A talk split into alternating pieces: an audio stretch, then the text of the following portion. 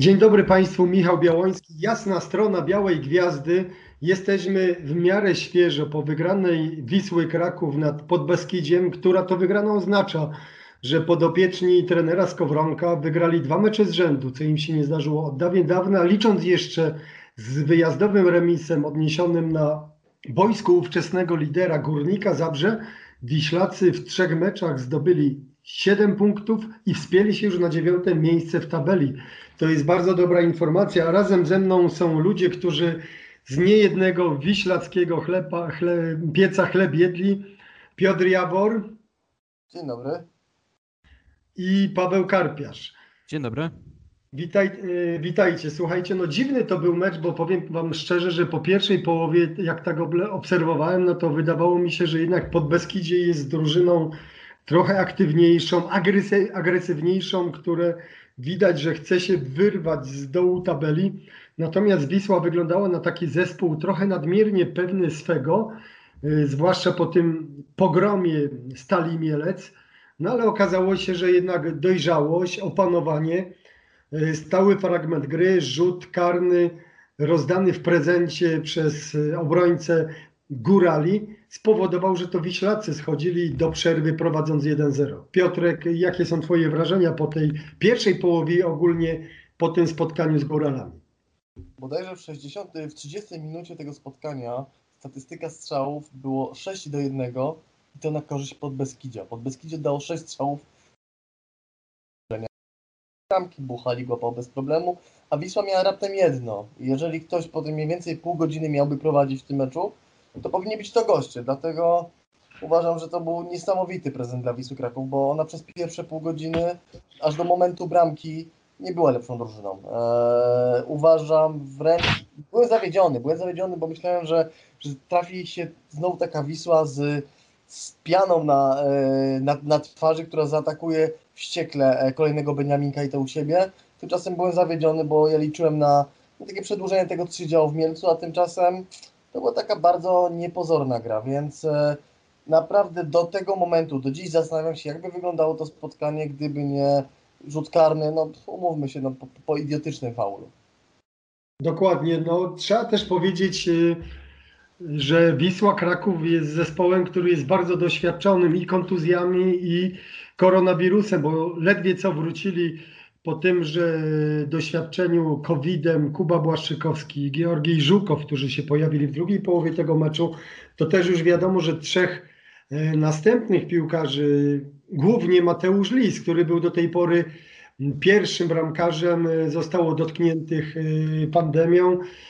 Wskoczył do bramki Michał Buchalik, na ławce siedział Miłosz Jaskuła i gdzieś Wisła pokazuje, że mimo tych kłopotów kadrowych daje mm, rady. Paweł, co, co ty sądzisz o, tej, o postawie Wiślaków y, i dojrzałości, jaką wykazują w tych meczach z Beniaminkami? No, dosyć klasyczny przykład, jeżeli chodzi o Wisłę Kraków, że zawsze jak są jakieś problemy, to na boisku im się wiedzie e, całkiem przyzwoicie. Tak można powiedzieć trochę szczęście w nieszczęściu z tymi osłabieniami, bo zauważmy, że trener Skowronek nie musi się jakoś bardzo gimnastykować, żeby e, sklecić jakąś sensowną jedenastkę, bo w zeszłym sezonie pamiętam było tak, że w Wiśle Kraków, jeżeli ktoś wylatywał, to zawsze wylatywała cała pozycja, albo nie było żadnego lewoskrzydłowego w kadrze, albo nie było prawego obrońcy, E, no teraz jakieś tam pole manewru trener Skowronek ma, mimo oczywiście, że nie jakieś największe. No i trochę też szczęśliwie się ten terminarz ułożył, że akurat na te problemy przypadły mecze z Beniaminkami i Wiślacy w takim składzie byli w stanie wygrać 6-0 ze Stalą i mimo y, właśnie słabszej dyspozycji e, z Podbeskidziem tutaj 3-0. Piotr, trzeba powiedzieć i oddać Skowronkowi, że on być może na początek sezonu z tą formą i z dyspozycją fizyczną to zostawił drużynę w lesie, natomiast teraz to odpaliło i mimo tych kłopotów kadrowych widać, że zespół biega i biega na dobrym poziomie intensywności, bo w meczu z Podbeskidziem pokonanych jest prawie 111 km. Kolejny świetny występ Czuki, który pokonał ponad 11 km dużo i szybko. Kolejny dobry występ lewego obrońcy Dawida Abramowicza, też ponad 11 km, z maksymalną prędkością 33 km. Y, Także widać, że mm, gdzieś ta praca została odrobiona. Znowu dobrze wyglądał Michal Frydrych. To jego fantastyczne podanie przez y, dwie trzecie boiska do Kuby Błaszczykowskiego, y, to złamanie Kuby i bramka dla mnie lustrzane odbicie starcia z Rosją na Euro 2012. To wszystko pokazuje, że gdzieś Wisła fizycznie teraz naprawdę wygląda dobrze. Podczas którejś przedmeczowej konferencji tak trochę nieśmiało gdzieś tam między wierszami, ale ja miałem wrażenie, nie, że trener Skowronek uderzył się w piersi i powiedział, że trochę pozmieniał ten jednak system przygotowania, trochę zaczęli inaczej trenować, na coś innego zwrócili uwagę. Dało do zrozumienia, że chyba, chyba rzeczywiście a, nie trafiłem z tym przygotowaniem tak, jak miałem, jak miałem trafić. Ja się trochę też nie dziwię. No, wiecie, że wszyscy żyjemy w jakimś takim jednym wielkim eksperymencie. Niektórzy mówią, że, że, że sportowcy żyją w bańce, ale to wszystkiego trzeba się uczyć od nowa. Krótkie przygotowania, e, długie okno transferowe, e, obawa przed koronawirusem, później te koronawirusy, to wszystko trzeba było maglować, e, a tu już po trzech meczach, jak to w Wiśle Kraków pojawia się temat zmieniać trenera albo nie zmieniać. Także sytuacja do pracy e, bardzo trudna. Mm, Gdzieś, y, gdzieś w końcu Skowronek e, to mu się udało, postawił na swoim, wyszedł obronną ręką, ale no pamiętajmy, że gdyby on przegrał w Zabrzu, a nie zremisował wtedy, to możliwe, że dzisiaj byłby już zupełnie nowy trener i nigdy byśmy nie wiedzieli o tym, czy, czy, czy Skowronek jest w stanie podnieść Wisłę Kraków. Dokładnie, szlachetna cierpliwość jesteś potrzebna w piłce, nie tylko w polskiej. Yy, Posłuchajmy, co trener Artur Skowronek miał do powiedzenia na pytanie Piotrka Jabora przed meczem Lechią Gdańsk odnośnie ewentualnej przydatności Kuby Błaszczykowskiego w reprezentacji Polski. Czy rozmawia Pan z Kubą o powołaniu do kadry Polski? Nie, ostatnio nie rozmawialiśmy o tym. Myślę, że ta rozmowa takiemu piłkarzowi w ogóle nie jest potrzebna. To jest facet, który e, cały czas e, mm, po prostu chce cieszyć się grą, a niczego nie musi udowadniać. E, On znowu wchodzi, robi swoje e, dla drużyny, a przy tym wszystkim e, dla siebie, dlatego e, selekcjoner i jego ludzie, którzy są wokół niego, na pewno dos- dostrzegają i Kuba, Kuba spokojnie, sumiennie może jeszcze zapracować na powołanie. Niedawno Jerzy Brzęczek powiedział o Błaszczykowskim, każdy zdrowy piłkarz, który prezentuje wysokie umiejętności, może liczyć na powołanie. Sądzi Pan, że Kuba dostanie jeszcze szansę w kadrze? Tak, wierzę w to i kibicuję mu, e, bo widzę e, to, jak on funkcjonuje na co dzień. E, On jest cały czas pazerny na to, żeby dalej w życiu wygrywać. On się na pewno nie zatrzymał i nieraz to na pewno jeszcze pokaże. No właśnie, tyle trener Skowronek. Powiem Ci, Piotrek, że jest, jest to dla mnie taka odważna deklaracja, bo ja oczywiście jestem wielkim zwolennikiem Kuby i jestem ostatni też, który by przekreślał jego plany gry w reprezentacji, zwłaszcza będąc y, świadom tego, co się działo przed Euro 2016, gdzie wszyscy tego Kubę przekreślali, że w ogóle się wielu dziwiło i pukało po głowie, co ten Nawałka robi, biorąc zawodnika, który we Florencji praktycznie w ogóle nie grał. Tymczasem Kuba był tam jednym z najlepszych zawodników, można powiedzieć, że z przekroju całego turnieju, chyba nawet najlepszym. I teraz y, byłbym daleki od tego, żeby pogrzebywać gdzieś szansę Kuby na powrót, y, powrót do kadry, ale jednak minęły gdzieś 4 lata. Mm, Kuba dawno nie rozegrał całego meczu w reprezentacji, a w międzyczasie naprawdę wyrosła mu niezła konkurencja na tej prawej stronie, bo przecież jest nie tylko Przemek Frankowski, nie tylko Damian Kondzior, ale też jest Kamil Jóźwiak, który po przejściu z Ekstraklasy do Anglii gra i to nieźle gra. Jak ty Piotrek tak trzeźwo oceniasz y, te szanse na grę Kuby Błaszczykowskiego w kadrze jego brzęczka? Kuba to jest chyba piłkarz, na którego trzeba patrzeć bardzo szeroko, na niego i na reprezentację Polski, bo jednak pamiętajmy, że jeżeli, jeżeli chodzi o takie względy piłkarskie, znaczy Kuba oczywiście w pierwszym składzie reprezentacji Polski, no to dziś zapomnijmy, to jest raczej rola Jokera, wejście na 15-20 minut. Ja mam wrażenie, że on piłkarsko miałby szansę się obronić. Kuba w formie, Kuba bez kontuzji, tylko tu jest kolejny kwantyfikator. Kiedy Kuba był tak naprawdę w takiej reprezentacyjnej formie i ile później przyszła kontuzja, która przekreśliła i trzeba było wszystko budować od nowa. Problem jest taki, że biorąc Kubę Błaszczykowskiego na jakiś turniej, e, Brzęczek zabiera sobie jedno miejsce w kadrze, które jest e, bardzo obciążone tym, że ten zawodnik może nie zagrać ani jednego meczu, bo nigdy nie wiadomo, kiedy się ten e, uraz przy, przydarzy. No to jest typ szybkościowca, e, który, no, dla którego jakiś drobny uraz czyha na każdym kroku. Był taki jeden mecz eliminacji do Euro, nie pamiętam z kim to graliśmy, ale Kuba wszedł i za 5 minut musiał zejść z kontuzją. Ja dokładnie pamiętam wyraz kibiców, wyraz dziennikarzy, którzy mówili i po co ten Brzęczek znowu tego Kubę bierze. I to jest kolejny aspekt Kuby Błaszczykowskiego, jak nie popsuć sobie relacji wokół kadry, która nieźle funkcjonuje, wprowadzając tam Kubę, no, którego no, nie ma co ukrywać. No, Brzęczek jest wujkiem i zawsze to tak jak trochę w klasie było w szkole. Y, każda mama, która była nauczycielką, mówiła, że on nie faworyzuje swojego dziecka, ładowała go tymi pałami z góry na dół, a te ścipskie dzieciaki dalej wykazywały, że ty masz trójkę czy czwórkę, bo yy, ponieważ to jest twoja mama uczy w tej szkole. I tak samo byłoby z kadrą. I teraz pytanie, czy wprowadzać ten taki element, yy, no taki trochę no, nie, nie, niezdrowej sytuacji do tak dobrze funkcjonującej kadry i wprowadzić go po to, żeby yy, zastanowić się, czy Kuba będzie zdrowy na, yy, na czerwiec przyszłego roku, czy nie, ryzyko bardzo duże. Moim zdaniem chyba za duże. Sytuacja skomplikowana z obu stron, patrząc i na trenera Brzęczka i na PZPN, bo jak znam Zbigniewa Bońka, to on niesamowicie ceni Kubę Błaszczykowskiego i pewnie nie jest gorącym zwolennikiem jego powrotu do kadry teraz, gdy Brzęczek ma za zadanie i zresztą to zadanie niemalże na piątkę wykonuje odmłodzenie kadry, wprowadzenie tej świeżej krwi, która głównie z Lecha Poznań wlewa się do Orłów. Natomiast Y, jestem przekonany, że mm, Boniek, a co dopiero Brzęczek, chcieliby doprowadzić do sytuacji takiej, w której ta kariera Kuby Błaszczykowskiego, a więc jednego z najważniejszych piłkarzy reprezentacji polskiej, Polski w nowożytnej erze, w tej erze po sukcesach y, z mundialu w Hiszpanii w 1982 roku, aby doprowadzić do tego, żeby on został w sposób godny pożegnany, żeby mógł sobie wystąpić w meczu nie o pietruszkę i nie w meczu bez kibiców, y, co nam nakazuje pandemia, tylko na przykład na wypełnionym po brzegi stadionie narodowym. Dzisiaj wiadomo, że nie, ma, nie mamy na, na perspektywie nawet miesięcznej czy do końca roku szansy na to, na rozegranie takiego meczu. Y, w marcu nas czekają eliminacje do Mistrzostw Świata, gdzie na pewno nikt nie zaryzykuje żadnych y, honorowych zagrywek, gdzie wiadomo będzie, że tam się będą liczyły wszystkie punkty, jakie się uda wywalczyć, a nie, a nie gdzieś ewentualna, ewentualne honory wobec Kuby, na które to honory Kuba mm, zasłużył.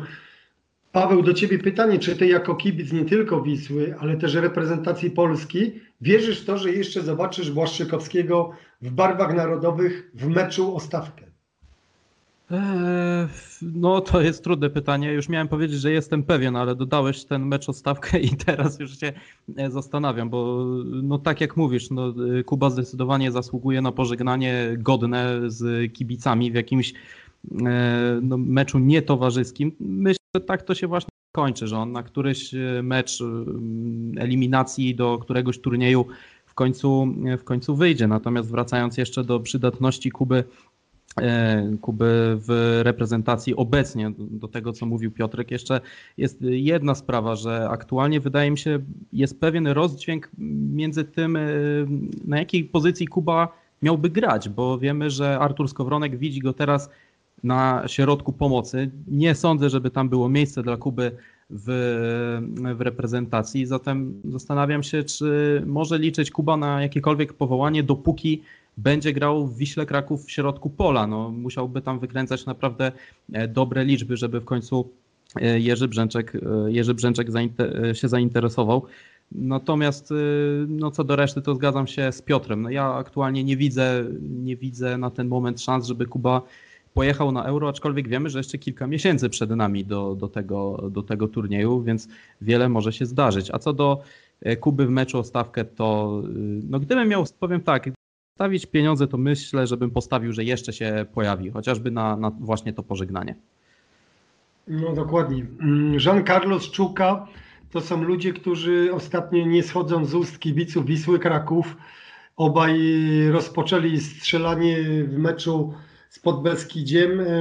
No i właściwie to można powiedzieć, Piotrek, że to jest takie jakby e, szczęście w nieszczęściu Wisły, że że ma tych piłkarzy w składzie i trener Skowronek teraz siłą rzeczy i chcąc, i nawet nie chcąc, wobec tych kłopotów kadrowych, może sobie ich wyjąć i oni świetnie ze sobą współpracują, bardzo dużo biegają, grają technicznie i jeszcze są do tego skuteczni. Tak, mi się to podoba, bo widzę w tych zawodnikach, widzę piłkarzy, na których trener Skowronek ma duży wpływ. Bo o ile nie wiem, no popatrzę, nie wiem, na Macieja Sadloka, go już tyle lat widzę, że, że, że on mnie chyba już niczym nie zaskoczy. A na przykład Czuk, jak przychodził do Wisły, no to był taki troszkę taki zahukany, oczywiście tam w debiucie strzelił bramkę, więc to było fajne, ale mi się na przykład bardzo podobało, jak Czuka zasuwał w obronie w meczu z Podbeskidziem. Y, w ślizgi, nie ma odpuszczonych piłek, walka do końca, mobilizacja zawodników, widać, że czuje się coraz pewniej i czuje się y, elementem tej drużyny, czyli to, co w Wiśle zarzucano od miesięcy, że przestała tworzyć monolit do czasów odejścia y, od czasów dobrych wyników trenera Stolarczyka, że tam już nie ma chemii w tym zespole i że to trzeba rozpędzić na 7 wiatrów i budować od nowa. Tymczasem pokazuje się, że po tym jak odeszło paru doświadczonych zawodników, jak Paweł Brożek, jak Marcin Wasilewski, nagle zaczynają dochodzić do, do głosu tacy zawodnicy właśnie jak Czuka, jak Giancarlo, którzy zaczynają coś w tej drużynie znaczyć. Może nie przestawiają wszystkich w szatni i nie dzielą i rządzą, ale zaczynają pokazywać coś na boisku, że panowie, dla mnie też możecie i co, co dalej za tym idzie? Moi zawodnicy się nieźle ogrywają. Plewka, no wymyśliłby ktoś, że on przychodząc ze Stali Rzeszów, gdzie nie słyszeliśmy, żeby on tam robił jakąś furorę, naprawdę zaczyna gość grać tak, że tu już przestaje chyba chodzić o statut młodzieżowca, tylko to jest naprawdę utalentowany dwudziestolatek. Który pokonał ostatnio ponad 11 kilometrów też. Tak, który, który by się mogło wydawać, że, że może tam w tej drugiej lidze już na, na amen zostać i, i wszyscy o nim zapomną. E, a tymczasem gość się nieźle rozwinął i Skowronek nawet opowiada, mówi, że chce, uwierzył siebie, potrafi i został wyciągnięty za uszy przez Skowronka i rzeczywiście zrobił niezły postęp. I to mi się podoba, bo to, gdzie jest ta drużyna w tym momencie, już jest nieźle, bo już jest w połowie tabeli, wygra z Lechią, będzie w górnej części, ale popatrzmy też po kolei na kolejnych zawodników, bo w obecnej sytuacji Wisły Kraków bardzo ważne jest to, jak dany piłkarz przy danym trenerze się rozwija. I Skowronek zaczyna w tym momencie już punktować. To, że Wisła będzie punktować na tle Beniaminków, tego się należało spodziewać, natomiast już jutro przed nią poprzeczka idzie znacznie wyżej. Krakowa zawita Lechia Gdańsk i szkoda, że przy pustym stadionie, no ale pandemia na jakiś czas jeszcze y, trzyma z dala fanów od aren. Cieszmy się przynajmniej z tego, że mecze są rozgrywane y, w miarę regularnie, dopóki dopóki COVID nie zdejmie przynajmniej połowy składu w danym zespole.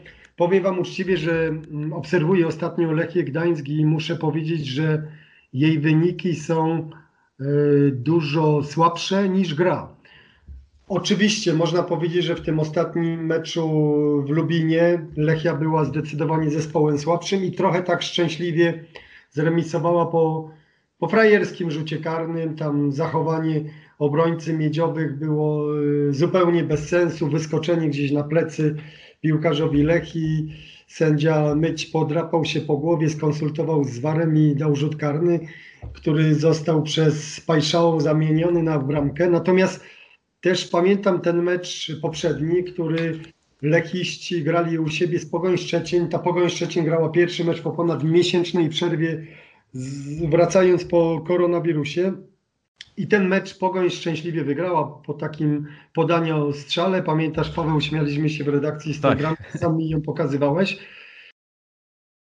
Yy, można być przekonanym co do jednego, że podopieczni Piotra Stokowca z tego dorobku jeden y, punkt w dwóch meczach nie są zadowoleni i oni przyjadą do Krakowa szarpać się o pełną pulę o trzy punkty, zwłaszcza, że są sąsiadami w tabeli Wisły Kraków, mają zaledwie o jeden punkt wie, mniej, więcej od niej i gdyby się Białej Gwieździe udało wygrać, no to wiadomo, że przeskoczy Gdańszczan w tabeli.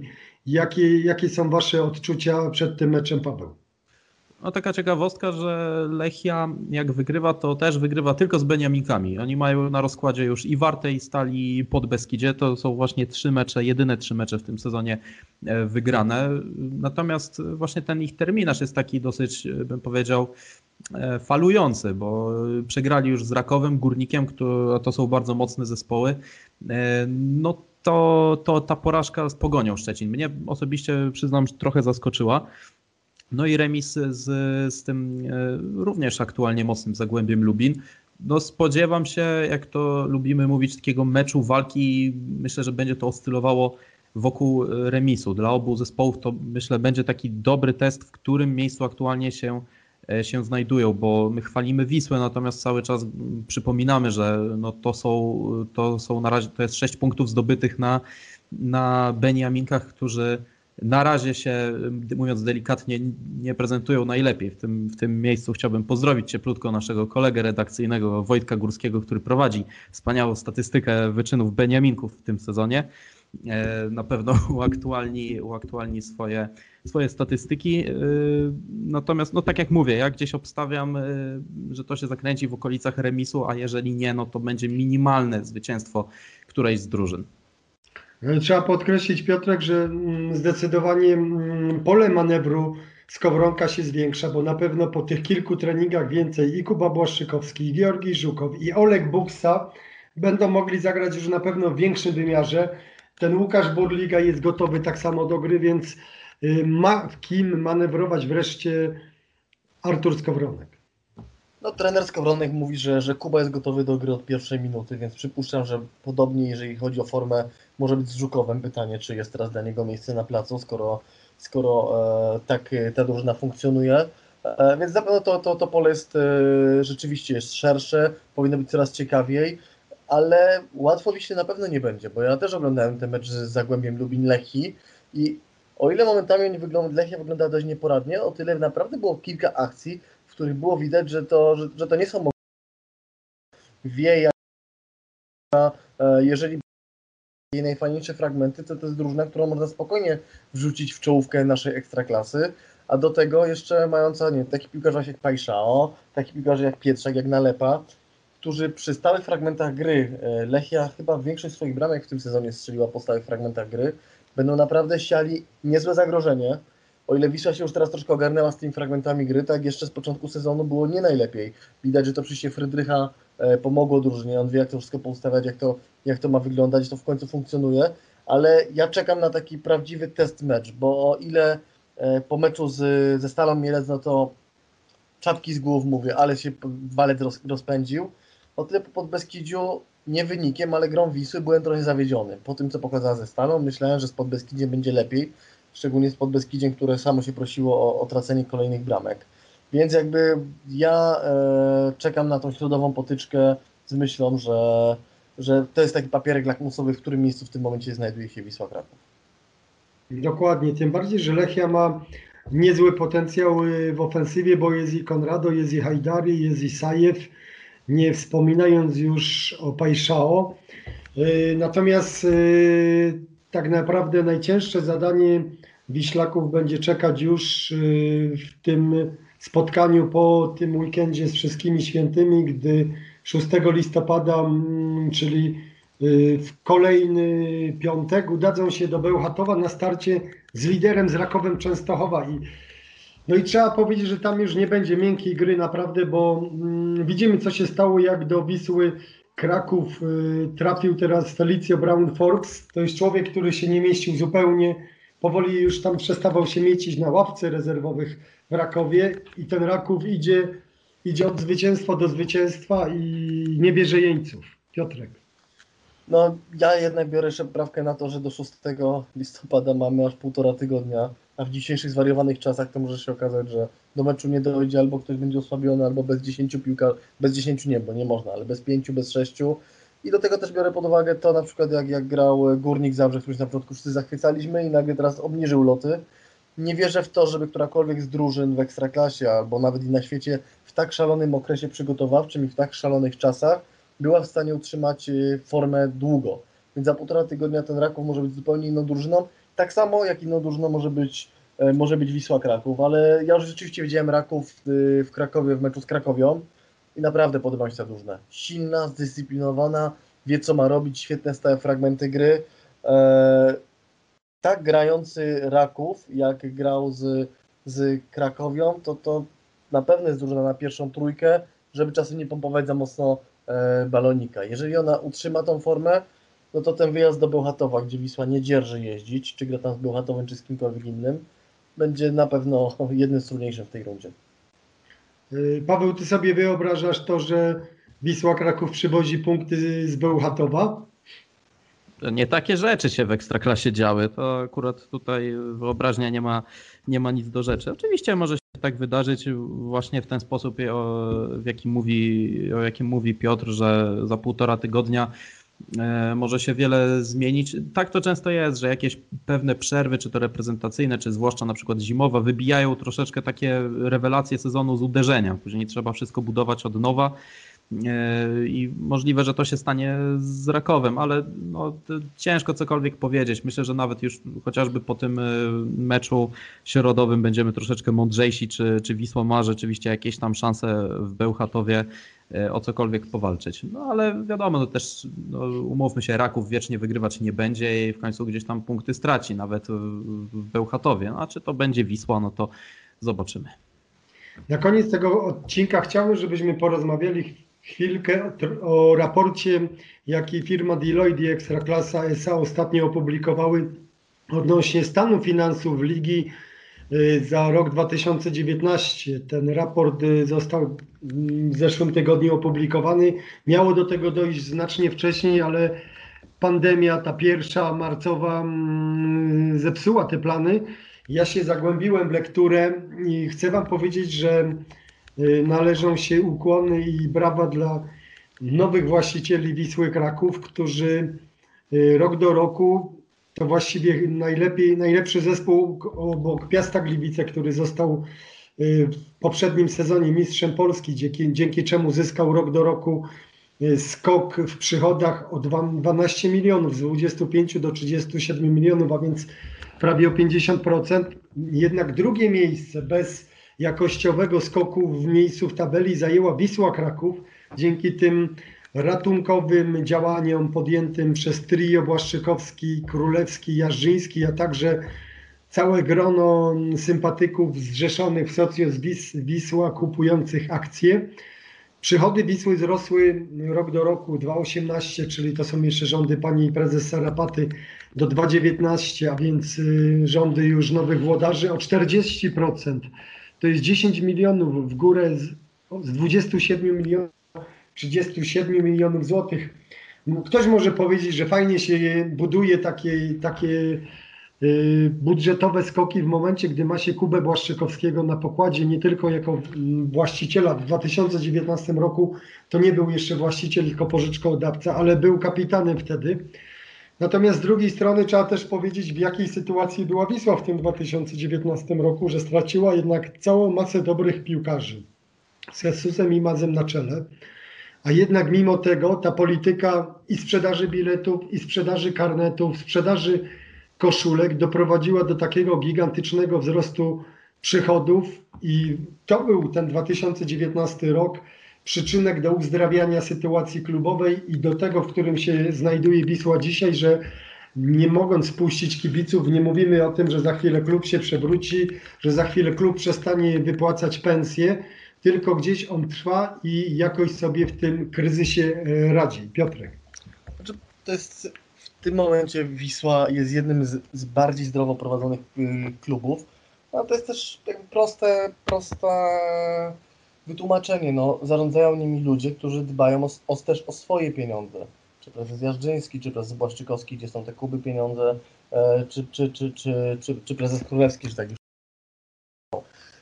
E, więc jakby no, oni wiedzą, na co mogą liczyć, jak się mogą bawić, czym się mogą bawić, nie będą robić skoków pieniędzy. E, wiemy, że na przykład, że, że, że na przykład Bogusław Stupiał pozwolił komuś się bawić jego pieniędzmi, później tą dziurę trzeba było zasypywać latami, więc ktoś musi nad tym panować i pamiętajmy jeszcze, że to wszystko dzieje się bez e, jakiejś pomocy tego, co się dzieje w innych miastach, czyli bez pomocy, bez pomocy e, albo miasta, albo spółek Skarbu Państwa.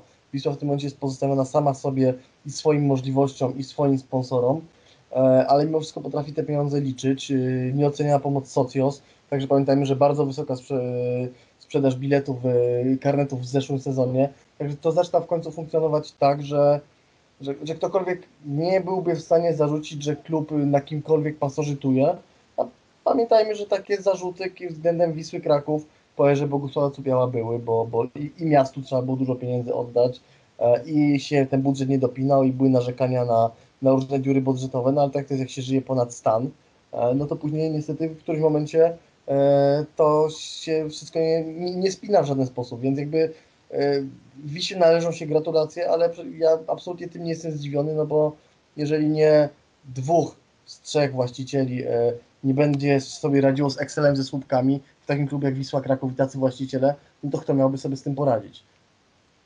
Paweł Karpiarz i jego wzgląd na tę sprawę. No, Ja tak jak Piotrek nie jestem zaskoczony, tylko chciałbym jeszcze tutaj powiedzieć właśnie o, o nieocenionej roli kibiców i tych zrzeszonych w Socios i, i całej reszty, która jeszcze z jakichś powodów e, jeszcze z jakichś powodów tam nie jest, bo no doskonale wiemy, że nikt tyle w różnych specjalnych zbiórkach, co kibice e, Wisły na swój klub nie wyłożył. Zatem z takimi kibicami e, Wiśle się pewnie większa krzywda nie stanie. Natomiast widzimy też przed sezonem, że ta koszulka Wisły chociażby też się trochę, że tak powiem, zapełniła nowymi sponsorami.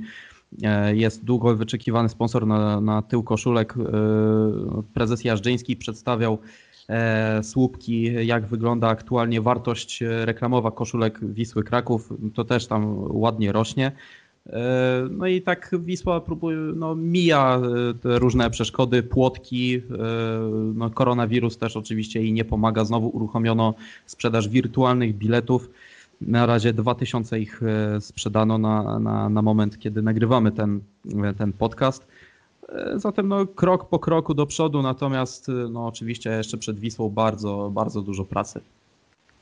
Zatrważające w całej lidze jest y, trwonienie pieniędzy na dwa mm, aspekty. Na zarobki piłkarzy, które zawsze wszędzie są, natomiast nigdzie nie przekraczają średnio 70%, tak jak w Polsce, w tych znaczących ligach. y, Ten udział zarobków piłkarzy i prowizji menedżerskich nie jest aż tak y, wielki. Tymczasem Wisła Kraków i ŁKS to jedyne kluby, które w 2019 roku wydały na zarobki piłkarzy poniżej 50% przychodów. Na drugim biegunie znalazły się Wisła Płock, która wydała na to ponad 100% przychodów, bo ona wliczyła w to zyski z transferów, jeszcze też poświęciła na te zarobki. A Pogoń, Szczecin, Arka Gdynia, Górnik, Zabrze i Wisła y, wy- wydały ponad 80% na, na zarobki piłkarzy, więc widać, że cały czas w Ekstraklasie gdzieś obowiązuje rozrzutność i płacenie więcej niż, niż wskazywałby na to produkt, bo przecież nie mówimy Piotrek o lidze, która, której przedstawiciele regularnie gdzieś wychodzą z grupy Ligi Mistrzów albo Ligi Europy, tylko cudem jest, jeśli komuś raz na trzy lata uda się do rozgrywek tej biedniejszej ligi, czyli Ligi Europy, awansować tak jak teraz Lechowi. To wszystko się zgadza, tylko jakby jest, je- je- jest jeden minus tego wszystkiego, że dwie drużyny, o których mówiliśmy, gdzie te zarobki są takie bardzo racjonalne, jedna spadła z ligi, druga się ledwie utrzymała. E, choć ja cały czas uważam, że Wisła w bardzo porównywalnym składzie e, może mieć szóste czy ósme miejsce i tu bardzo rzadko te pieniądze wydawane e, w jakiś sposób mają, mają przełożenie na, na, na, na tą kasę, bo tu czasami nawet nie chodzi o to, że ci piłkarze sobie pojedynczo dużo zarabiają, Chodzi o to, że te kadry są tak rozbuchane i tak duże, że łącznie te zarobki stanowią naprawdę sporą, e, sporą, e, spory wydatek e, w tych klubowych kasach, no ale jakby mówimy o tym rok do roku, rok do roku, rok do roku, a ci menedżerowie dalej nas wożą Słowaków, Czechów, Węgrów i, my nagle uważamy, że, że oni będą lepsi od, niech wymyślę, Patryka Plewkę chociażby od tak. No właśnie, Paweł, czy ty widzisz, że ta liga na dłuższą metę przy tej rozrzutności na tych obcokrajowców, z których powiedzmy sobie uczciwie, no tak naprawdę 90% mogłoby ich tu nie być i z byśmy widzieli na ich miejscu kolejnych plewków i buksów. Czy ta liga w dobie tego kryzysu, kryzysu finansowego związanego z pandemią, ona na dłuższą metę może przetrwać y, taki wstrząs, jakim dla mnie jest jednak zatrudnianie w perspektywie całej ligi prawie 150 obcokrajowców.